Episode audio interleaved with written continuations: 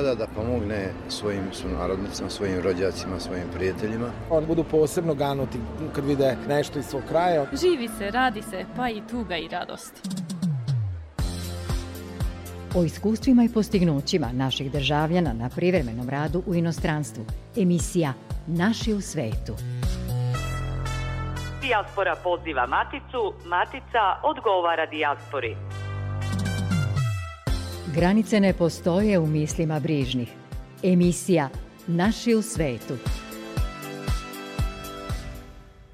Dobroveče, poštovani slušalci. 19 je časova i 4 minuta. U narednih 40 minuta sa vama su za tonskim pultom Nikola Baloš i pred mikrofonom Goran Pavlović. Naša uloga u očuvanju srpskog jezičkog i kulturnog identiteta bila je tema 11. medijske konferencije Dijaspore i Srba u regionu koja je održana u organizaciji Udruženja novinara Srbije i Ministarstva spoljnih poslova Uprave za saradnju sa dijasporom i Srbima u regionu. Putem Zoom aplikacije na konferenciji su učestvovali predstavnici srpskih škola, udruženja i organizacija iz celog sveta. Oni su razgovarali na temu očuvanja jezika, kulture i načinima da se saradnja našeg rasejanja i matice unapredi. Učesnici konferencije predstavili su svoje projekte, inicijative i akcije kojima se promoviše srpsko nematerijalno kulturno nasleđe i pomaže učenju srpskog jezika. U fokusu su bile mlađe generacije sa namerom da se kod njih očuva naš kulturni identitet. Poseban segment konferencije bio je posvećen zajedničkom razvoju promotivne kampanje, čiji je cilj unapređenje informisanosti građana u rasejanju. VD direktora Uprave za saradnju s dijasporom i Srbima u regionu Arno Gujon izjavio je da je jezik više od alata komunikacije i da predstavlja sredstvo identifikacije, zato što izražava, ali i odražava odakle smo. Jezik zauzima središnje mesto u kulturi i identitetu svakog naroda, kaže Gujon. Ono što ponekad teško razumemo, mi kad živimo ovde u Beogradu, mi uzimamo jezik zdravo za gotovo. Mislimo da je dovoljno da su otac i majka Srbi, a da će samim tim, po prirodi stvari, deca znati srpski. Nažalost, nije baš tako jednostavno. Upoznao sam mnogo Srba prethodnih godinu dana od kad sam postao direktor uprave za saradnju s dijasporom i Srbima u regionu, svaki put kada razgovaram sa njima u našoj dijaspori, ono što se stalno vraća kao glavna tema, to jeste učenje srpskog jezika za decu. Zašto je to tako? Uzmite, na primjer, jedno dete koje se rodilo u Berlinu. Otac Srbin, majka Srpkinja. Ali to dete od svoje treće godine, od kad je krenulo u vrtić, ono je okruženo nemačkim jezikom. Posle u školi priča samo na nemačkom jeziku, uči da čita na nemačkom jeziku, razvija se na tom jeziku. Kad ide u vanškolske aktivnosti, sve je to na nemačkom. Sa drugarima razgovara na nemačkom jeziku. Da, naravno, roditelji pričaju srpski kod kuće i razgovaraju sa detetom na srpskom jeziku. Nekoliko sati dnevno, koliko ko ima. Zbog posla, zbog škole, zbog života. Ali da li znate koliko reči je različitih u proseku jedna osoba izgovara u toku dana? hiljadu, hiljadu različitih reči u proseku. Pa sa tih hiljadu reči već ćete razumeti da kad majka kaže idi pospremi sobu, daj mi čašu vode, ali to neće biti dovoljno da biste razumeli jednu knjigu ili imali kompleksno razmišljanje na srpskom jeziku. Znači to nije dovoljno. Nažalost nije. I u dijaspori onda vremenom, ako ništa ne radimo, taj maternji srpski jezik postaje drugi jezik, a taj strani jezik, nemački, francuski, engleski, španski, zavisi ko gde živi, postaje vremenom taj prvi jezik. Jezik na kome razmišljamo, jezik na kome i sanjamo. Šta mi možemo da uradimo da sprečimo tu jezičku asimilaciju koja je prirodna? Osnivanjem dopunskih škola. Zato što to dete kad ide u školu srpskog jezika u inostranstvo jednom nedeljno, 3-4 sata, zavisi gde, on uči ne samo gramatiku, padeži, što je i tekako bitno, ali on uči o istoriji Srbije, o geografiji, o kulturi. Načelnica Odeljenja za pedagoško i osnovno obrazovanje Ministarstva prosvete Srbije Slavica Jakšić izjavila je da dopunske škole u 13 zemalja pohađa više od 6700 dece, sa kojima radi 83 nastavnika. Jakšićeva je navela da je od 2018. godine zabeleženo povećanje broja učenika u dopunskim školama za 45% i pored uticaja pandemije virusa korona. Ko organizuje našu nastavu u inostranstvu? Organizuju na, nastavnici koji se rešenjem ministra upućuju na rad u inostranstvo i e, organizuju nastavnici koji se nalaze već u zemlji gde se organizuje obrazovni rad, a imaju prebivalište u toj zemlji. Razlikujemo ih kolokvijalno ih nazivamo redovni nastavnici i honorarni nastavnici. Svi oni imaju isti nivo obrazovanja i najčešće su to nastavnici srpskog jezika i književnosti, nastavnici razredne nastave i izuzetno to su nastavnici stranog jezika. Zašto baš oni? Zato što polazimo od toga da su oni najkompetentniji kad je srpski jezik u pitanju i da oni na najlakši i najlepši način mogu našu decu da opismene i nauče i očuvaju taj srpski jezik u tim zemljama gde se ta naša deca nalaze, da li privremeno ili trajno. E, veoma je važno da vam kažem da osnov za realizaciju naše nastave tamo je zakon o osnovnom sistema obrazovanja i vaspitanja i podzakonski akt koji reguliše ovaj rad na srpskom jeziku u skladu koga se nalazi i u sastavu koga se nalazi i program ovaj, obrazovno-vaspitnog rada koji je inoviran i usaglašen sa reformom obrazovanja u Republici Srbiji iz 2017. godine, odnosno program koji je ishodno orijentisan i gde je dete u centru obrazovanja. Snaga jednog naroda meri se snagom da se sačuva i nauči maternji jezik, saglasni su panelisti na konferenciji. Blaženka Trivundžić, koordinatorka obrazovno-vaspitnog rada srpskih škola u inostranstvu, koja se nalazi u Francuskoj, kaže da nastava na daljinu može biti isto vrednovana kao i nastava u učionici, te da su rezultati identični. U skladu sa merama koje su donosile nadležne institucije zemalja prijema, prekinuto je izvođenje časova u učionici i počela je realizacija nastave na daljinu koja je nastavljena i tokom cele školske 2020-2021. godine. Iskustvo tokom prethodnog perioda ukazuje na to da temeljno isplanirana i dobro organizovana nastava na daljinu može biti podjednako uspešna kao i nastava u učionici koji bi to bili pokazatelji, odnosno indikatori koji potkrepljuju uh, ono što smo mi uh, zapazili, odnosno koji potkrepljuju ovu navedenu tvrdnju.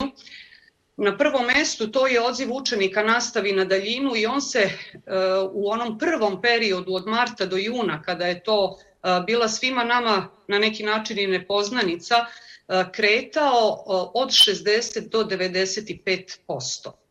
Drugi pokazatelj bio bi broj učenika i poređenjem podataka o obuhvat učenika u školskoj 2020. i 2021.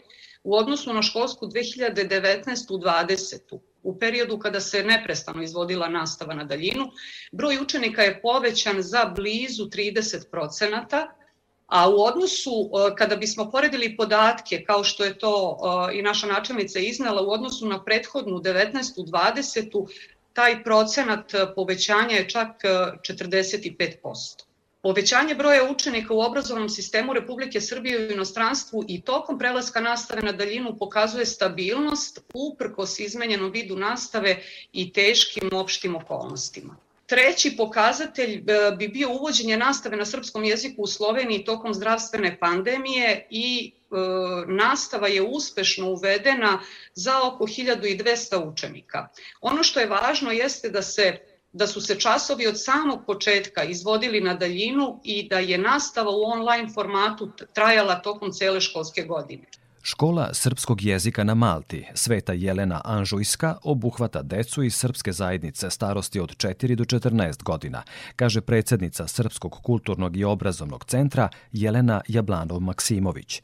Ona je na medijskoj konferenciji Dijaspore rekla i da je projekat koji se od oktobra prošle godine sprovodi uz podršku Uprave za dijasporu naišao na podršku roditelja, a dodala je da su i deca zadovoljna radom škole. E, hvala najlepše na pozivu. Jako se radujemo što e, smo obuhvaćeni ovom konferencijom i što možemo da predstavimo naš projekat. Pomenuta organizacija uz podršku uprave, odnosno i podstrek uprave za saradnju sa dijasporom i Srbima u regionu, ali svakako i uz podršku ovdašnje parohije Svet, Svetog apostola Pavla i Svetog Nikole i naše eparhije Austrijsko-Švajcarske, pokrenula je projekat pod nazivom Škola srpskog jezika na Malti, prošle godine u oktobru, koji traje i trajaće do kraja juna ove godine.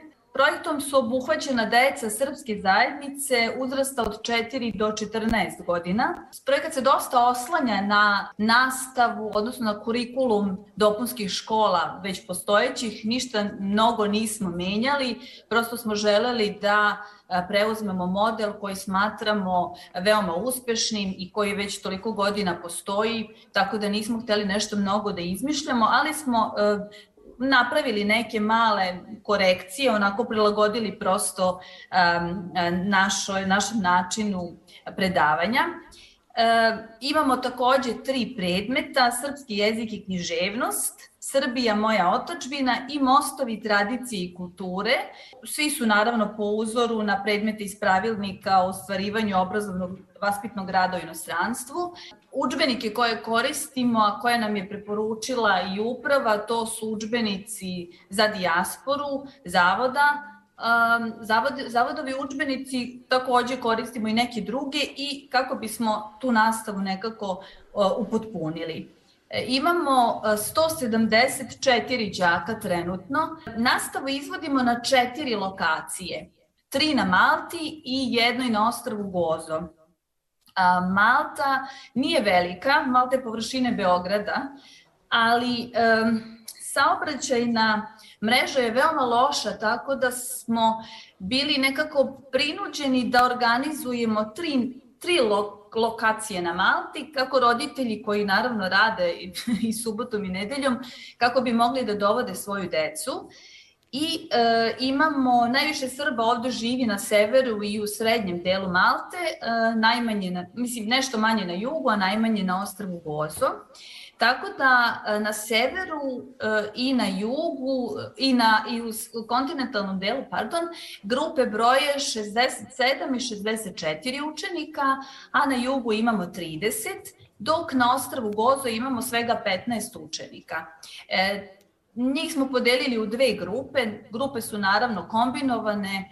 E, mlađa grupa nam je od 4 e, do 7 godina Na Malti se kreće u školu sa 5 godina, u predškolsko sa 3, tako da nismo mogli da izostavimo tu dec, dečicu od 4 ili 5 godina, jer jednostavno oni već su obuhvaćeni malteškim obrazovnim sistemom, idu u školu, uče a, da pišu, uče se socijalizaciji i prosto nismo, nismo ni mogli, nismo ni hteli da ih a, izopštimo. Tako da je naša mlađa grupa uh, uglavnom od 5 do 7 godina.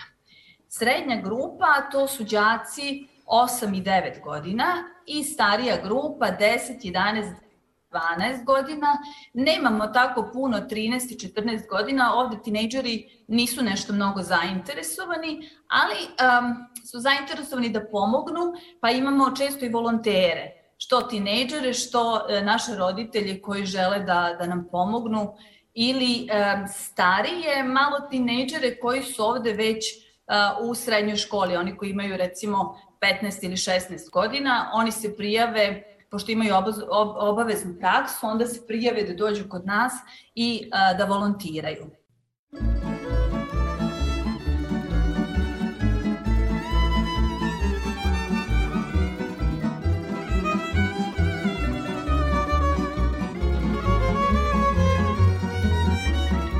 glavi mi oka dva, u grudima srca tri Sreba na ti bačku, da li još sanjaš ti? Od kada si otišla, ravno deset godina Medom mažem sećanja, srca ranjena. Mene je lako voleti Tu sam u Vojvodini. Ne moraš više tragati Veli će golub sve reći. Jelo, jelena, Dunjo, medena Hajde zažmuri malo, pruži ruke sad. Jelo, jelena, ružo, rumena. Hajde zažmuri malo, daj mi ruke sad.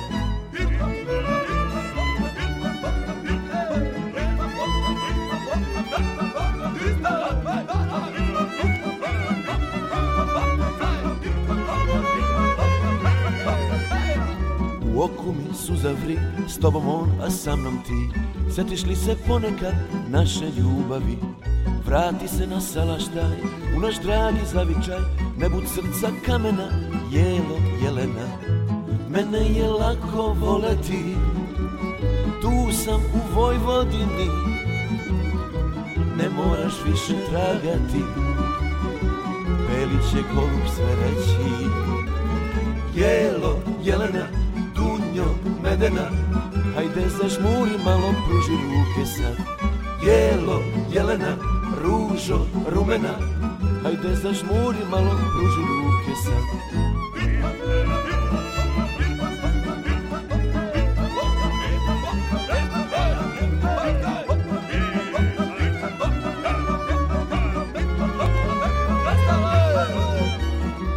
Mene je lako voleti Tu sam u Vojvodini. Ne moraš više tragati Veli će golub sve reći. Jelo, jelena, dunjo, medena. Hajde zašmuri malo, pruži ruke sad. Jelo, jelena, ružo, rumena. Hajde zašmuri malo, pruži ruke sad. Hajde zažmuri malo, pruži ruke sad. Hajde zažmuri malo, daj mi ruke sad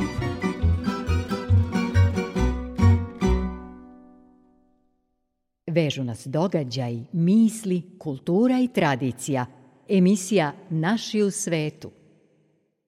Nastavljamo sa izlaganjem predstavnika srpskih škola u svetu koji su govorili na 11. medijskoj konferenciji Dijaspore i Srba u regionu okupljenih na inicijativu Udruženja novinara Srbije i Ministarstva spoljnih poslova. Na konferenciji su razmatrane i mogućnosti novih načina korišćenja društvenih mreža, mobilnih tehnologija i digitalnih alata za učenje srpskog jezika, a uloga medija je da predoči sve mogućnosti za što lakše i najmlađima prilagođeno učenje jezika. Marija Aleksić je nastavnica srpskog jezika i književnosti u Berlinu. Ona kaže da se nastava organizuje u internet formatu uz sadejstvo mnogih predstavnika naše zajednice svaka škola je čuvar našeg jezika i pisma, a samim tim i tradicije, jer ukoliko ne znamo ko smo, kakav je naš jezik i kakvo je naše pismo, onda ne možemo znati ništa iz naše prošlosti niti možemo graditi e, budućnost, e, sadašnjost, samim tim i budućnost. Obaveza svih nas, tako smatram, koji radi u Srpskoj dopunskoj školi u inostranstvu, jeste da baštinimo srpski jezik i ćirilicu kako bismo sačuvali identitet srpskog naroda i naše države. U prethodne dve godine imali smo specifičnu epidemiološku situaciju koja je bila izazvana koronavirusom, ali smo uz pomoć zajedničke nastavne saradnje i razmjene iskustava uspeli da iznedrimo dobre primere, zapravo primere dobre prakse i unapredimo naš rad i na polju digitalnih kompetencija. Pored redovne nastave, otvoreno je i online odeljenje u okviru pilot programa za izvođenje obrazovno vaspitnog rada na daljinu. To je zapravo za one učesnike koji žive, učenike koji žive izvan Berlina. To su đaci iz istočnog dela Nemačke koji nisu mogućnosti zbog daljine da pohađaju redovno organizovane časove u Srpskoj dopunskoj školi. Povodom obeležavanja značajnih praznika trudimo se da na našim redovnim i online časovima gostuju važni predstavnici kulturnih i obrazovnih institucija iz Republike Srbije, a to nekada mogu da budu i predstavnici eto iz Berlina. Prošle nedelje upravo smo imali jedno lepo gostovanje gde je konsulka Milica Topalović gostovala na, na našem online času i predstavila eto svoje zanimanje i na taj način isto možemo da povezujemo naše đake sa maticom i na taj način se usvajaju na zanimljiv način znanja koja su vezana za našu zemlju i zapravo za njen istorijski i geografski kontekst. Od ove godine dopunska škola u Berlinu je deo jednog važnog projekta, to je obrazovni krug zapravo susretanja, koji se nadovezuje na naš nastavni program koji se ostvaruju u dopunskim školama i podstiče unapređivanje jezičkih kompetencija kod dece koje pohađaju nastavu u inostranstvu, tako i učenje stranih jezika u redovnim školama u Srbiji. E, naši đaci tada imaju prilike da upoznaju vršnjake iz Republike e, Srbije i da međusobno razmenjuju znanja koje su važne za našu narodnu e, tradiciju, a samim tim i kulturu. Takođe, pre dve godine Srpska dopunska škola u Berlinu ima i svoj YouTube kanal, takođe imamo svoju Facebook Instagram, Instagram stranicu a, i blog, tako da roditelji mogu na, a, i naši đaci mogu na, na, da se informišu putem navedenih stranica i zahvaljujući tome mi smo zapravo a, dosta a, a, povećali a, naš a, broj đaka. E, takođe, pored podrške koju dobijamo od strane Ministarstva prosvete, kao, organizator, kao organizatora nastave u inostranstvu. Veoma je važna i saradnja sa predstavnicima ambasade Republike Srbije u Berlinu i to je takođe učestvovanje na zvanično odobrenim literarnim, filmskim i muzičkim konkursima koje se raz, realizuju uz pomoć online digitalnih platformi. Saradnja sa udruženjima i Srpskom pravoslavnom crkvom od nemerljivog je značaja za, raz, za razvoj i unapređenje srpske dopunske škole, tako da se trudimo da što više koristimo mogućnosti organizovanja edukativnih radionica, takođe i gostovanja glumaca iz Republike Srbije. Položaj Srba i srpske dece u Federaciji BiH specifičan je i sigurno teži nego položaj Srba u dijaspori, kaže predsednica Udruženja Srpskog prosvetnog kulturnog društva prosvjeta iz Mostara, Sanja Bjelica Šagonović.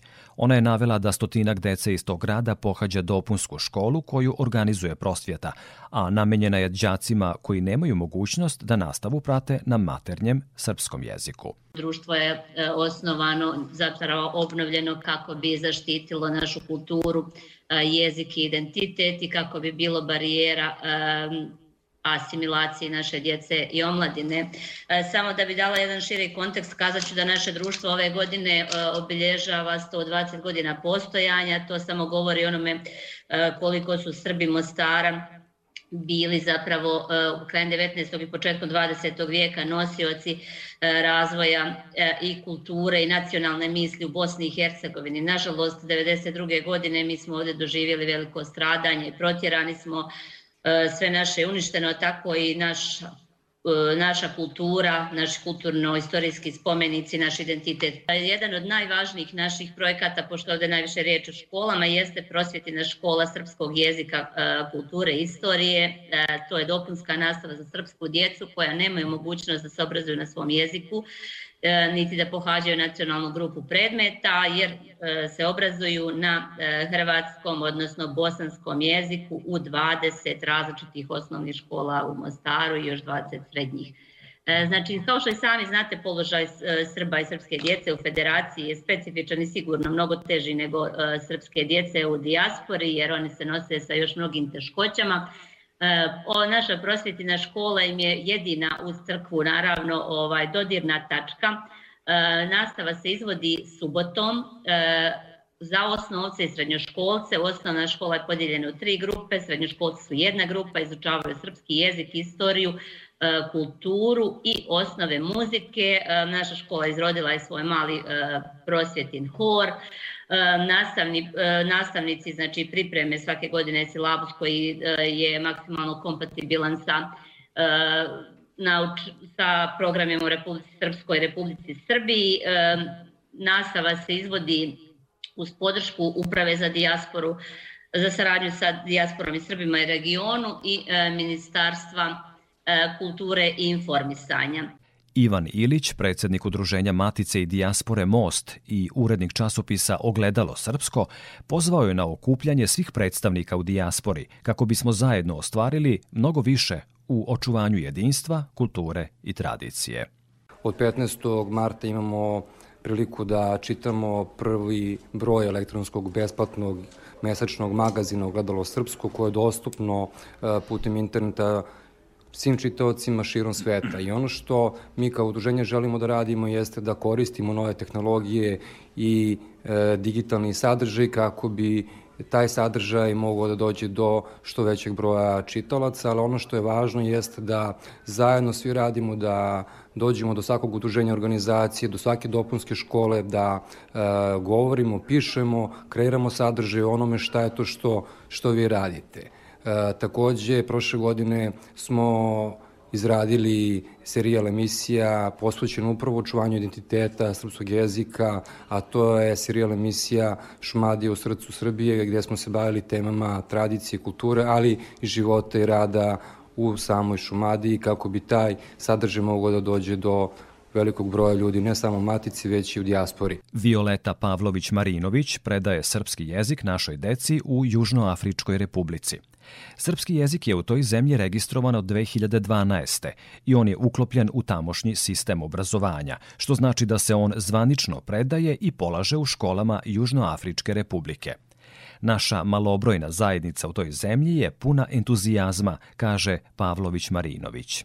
Ne mogu samo da kažem da prvo pohvalim e, sve moje sugrađane entuzijaste ovde u Južnoj Africi i Bocvani, koji ste stvarno mi nismo kao što je neka ovaj kao što ima dovoljno ljudi u naših sugrađana u, u, u Americi, Australiji ili u Nemačkoj ili u Švajcarskoj ili u Francuskoj, mi nas nema toliko ovde, ali uh, zaista svi su imamo i srpsko kulturno društvo, imamo svi su veliki aktivisti i svi daju od sebe da ta deca i omladina ne zaborave odakle dolaze.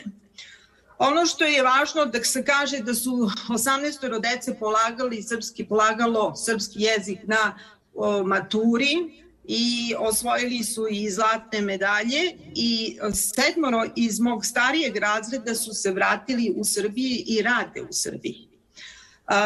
Naravno, ja to ništa ne bi mogla sama da uradim.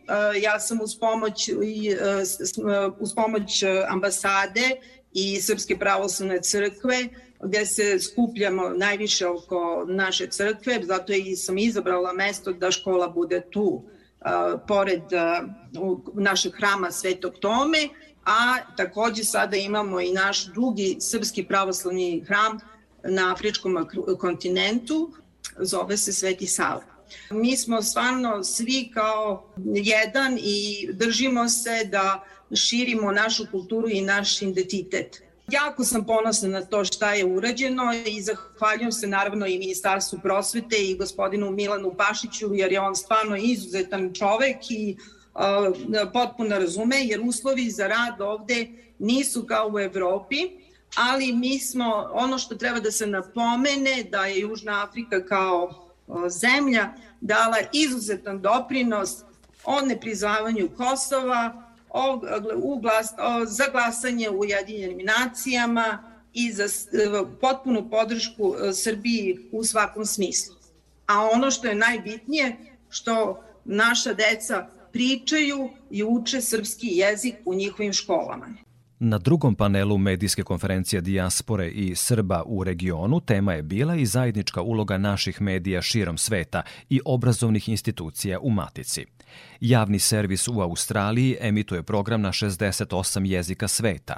Ono što nam je posebno nedostajalo u poslednje dve godine je gostovanje naših umetnika iz Srbije, kaže Nataša Kamp-Mark, stručna saradnica SBS javnog servisa Australije i predavač na Univerzitetu La Trobe u Melbourneu.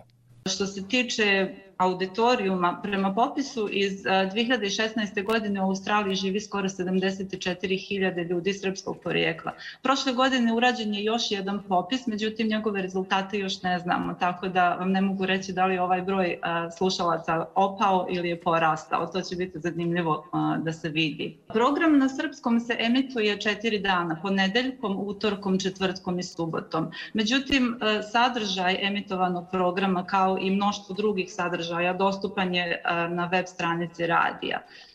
SBS radio na srpskom donosi vijesti, priče, pregled dešavanja iz Srbije, iz regiona, iz Australije i iz svijeta. Pri čemu je sadržaj podijeljen na teme kao što su naseljavanje i imigracija, gdje se obrađuju svakako teme koje pomažu našim ljudima koji dođu ovde da se snađu u društvu. Zatim tu je sport, zdravstvo i razni intervjui sa ljudima iz raznih oblasti. Što se moje lične uloge tiče, za SBS radio na srpskom redovno pripremam pregled kulturnih dešavanja širom Australije i ponekad su tu uključena kulturna dešavanja i događaja iz Srbije, međutim njih uglavnom, uglavnom pokrivaju dopisnici iz Srbije. U svoj izvještaj, pošto se ja preoshodno bavim književnošću i svoj izvještaj započinjem obično o, o govoreći o književnim nagradama koje su dodijeljene u periodu od prethodnog javljanja i dajem kratak prikaz nagrađenih knjiga, nastojeći da ih preporučim za čitanje i tu obično pravim razliku i volim da naglasim koje od tih knjiga su možda zanimljive školskoj djeci i mladima. Zatim u izvještaju takođe govorim o književnim festivalima, najavljujem književne festivale i iz njihovih programa obično izdvojim ono što smatram da bi slušalcima bilo najzanimljivije. Osim vijesti iz književnosti, izvještaj obuhvata i informacije o raznovrstnim izložbama, bilo u muzejima, umjetničkim galerijama ili bibliotekama, zatim informacije o koncertima, pozorišnim, baletskim i operskim predstavama, različitim festivalima i tako dalje. Najzanimljivije je naravno ako se među učesnicima takvih događaja nađu umjetnice našeg porijekla, ako se razi o izložbi slika nekih naših slikara ili ako se radi o koncertima nekih naših izvođača ili folklornim nastupima, jer kao što smo čuli od gospodina uh, Gujona, folklor nije samo igra i to, se, to sam zaista imala priliku uh, da vidim. Uh, u takvim prilikama obično uradim i intervju sa umjetnicima, pa se taj intervju kasnije emituje u sklopu priloga. U Švajcarskoj postoji Diaspora TV, medij koji finansira država. Jelena Mitrović je profesor srpskog u Švajcarskoj i saradnica Srpskog radija Mladost. Ona se osvrnula na tendenciju tamošnjih medija da svaka zajednica ima pravo da unapređuje svoj jezik u Švajcarskoj. TV je na nivou čitave Švajcarske finansiran kroz državne projekte i program ide na 16 stranih jezika. Srpski jezik je jedan od tih jezika – Doprinos jačanju srpske zajednice u Švajcarskoj kroz korišćenje srpskog jezika se ogleda i u emitovanju programa i emisija na TV Diaspora. Teme su različite i većinom su usmerene ka integraciji Srba koji žive u Švajcarskoj, ali ka tome da se srpska zajednica bolje razume međusobno. Sama činjenica da je srpski jedan od jezika koji se emituje na TV Diaspora CH veoma je značajna i doprinosi tome da srpski jezik i dalje živi i razvija se unutar srpske zajednice u Švajcarskoj, koja je tekako velika. Na izradi smo platforme programske, za sada je nažalost bila tema samo korona kao i u celom svetu i e, emisije su bile na tu temu, ali nastojimo da, nastojit ćemo da ostvarimo saradnju i s vama koji budete želeli širom sveta, a naravno i sa našim RTS-om, kao i sa medijima u Crnoj Gori već smo obavili neke razgovore u Srpskoj kući u Podgorici, sa Hrvatskom zajednicom u Negoslavcima kod Vukovara, sa uh, raznim našim institucijama, organizacijama, medijima koji to budu želeli, da razmenjujemo priloge i da se tako obogaćujemo. E, ja bih samo naglasila da mi želimo ovde i da švajcarcima prikažemo da čuju naš jezik, delove bismo mogli da prevedemo na nemački, odnosno francuski, kako bi se i oni upoznali s našom kulturom, iako nije uslov, ali smatramo da bi to bilo dobro da i oni čuju kakva je naša kultura, naš jezik, fonetika, sve ono što mi radimo, a naravno, pošto sam ja profesor srpske škole, nastojaću da bude mnogo sadržaja u saradnji sa svojim koordinatorkom i ministarstvom prosvete, da bude mnogo sadržaja koji su upravo vezani za promovisanje naše kulture i srpskih dopunskih škola.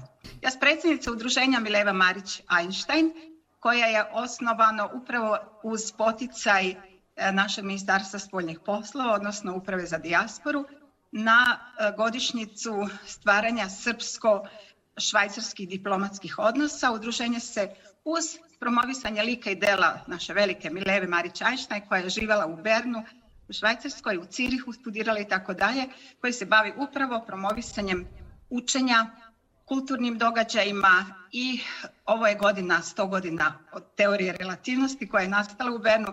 Znamo koliko je, sad nećemo fizici, Milena, Mileva tome doprinela, ali je e, jedan od ciljeva da promovišemo lik naše Mileve i svih srpkinja koje su živele i radile u Švajcarskoj, a naročito, naravno i u našoj otačbini. Na medijskoj konferenciji Dijaspore predstavilo se i udruženje Češko-srpske asocijacije uzajamne saradnje. Moje ime je Katarina Buđevac i ja sam jedan od osnivača Češko-srpske asocijacije uzajamne saradnje.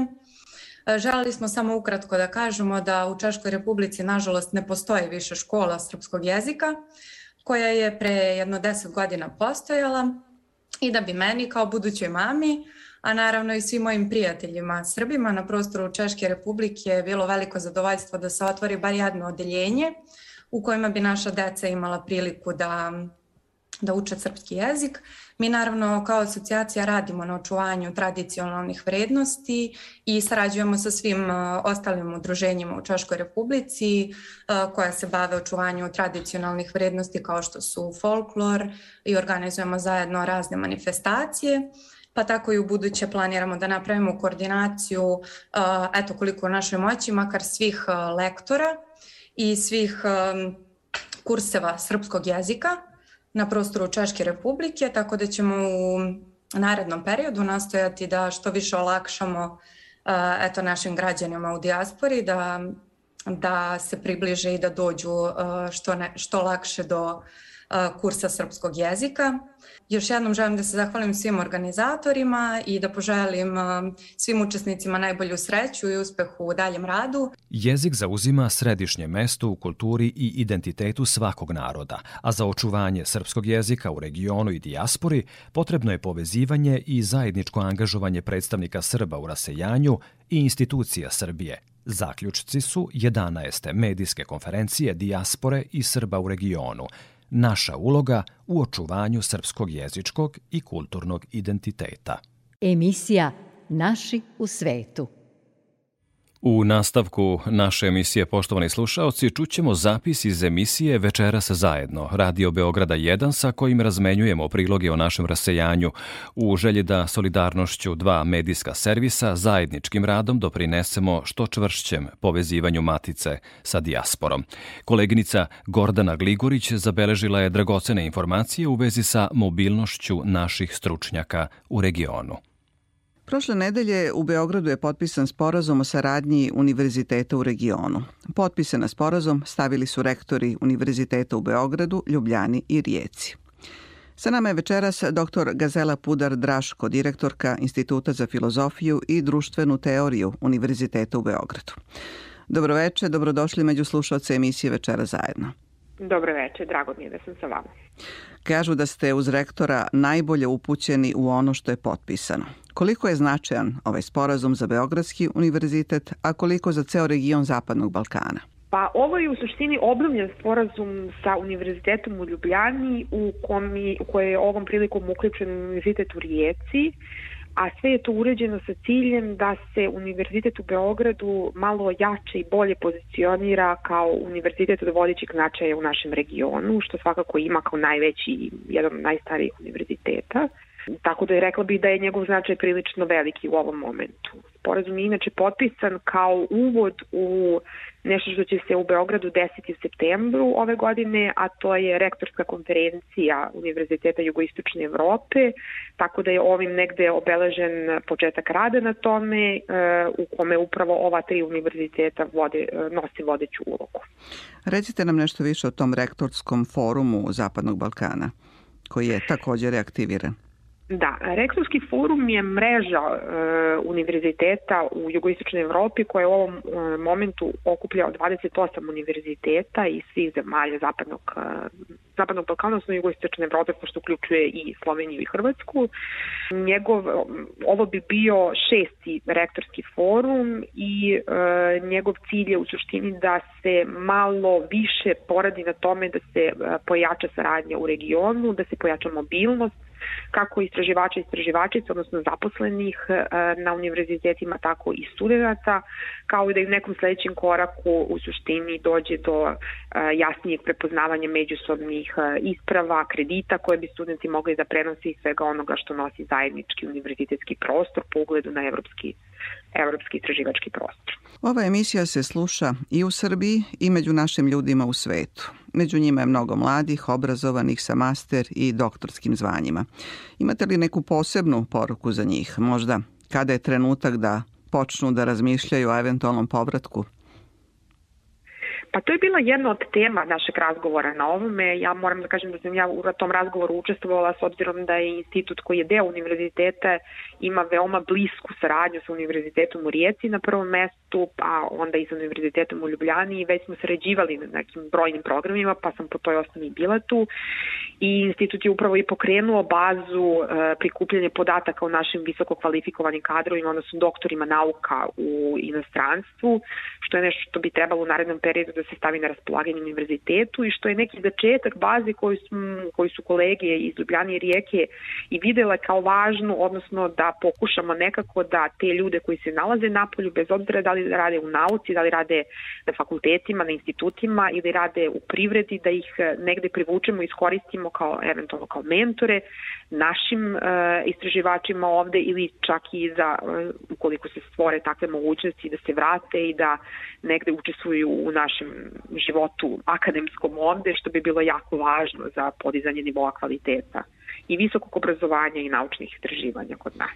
Koliko je po vama potrebno vremena da bi se stvorila jedna takva baza?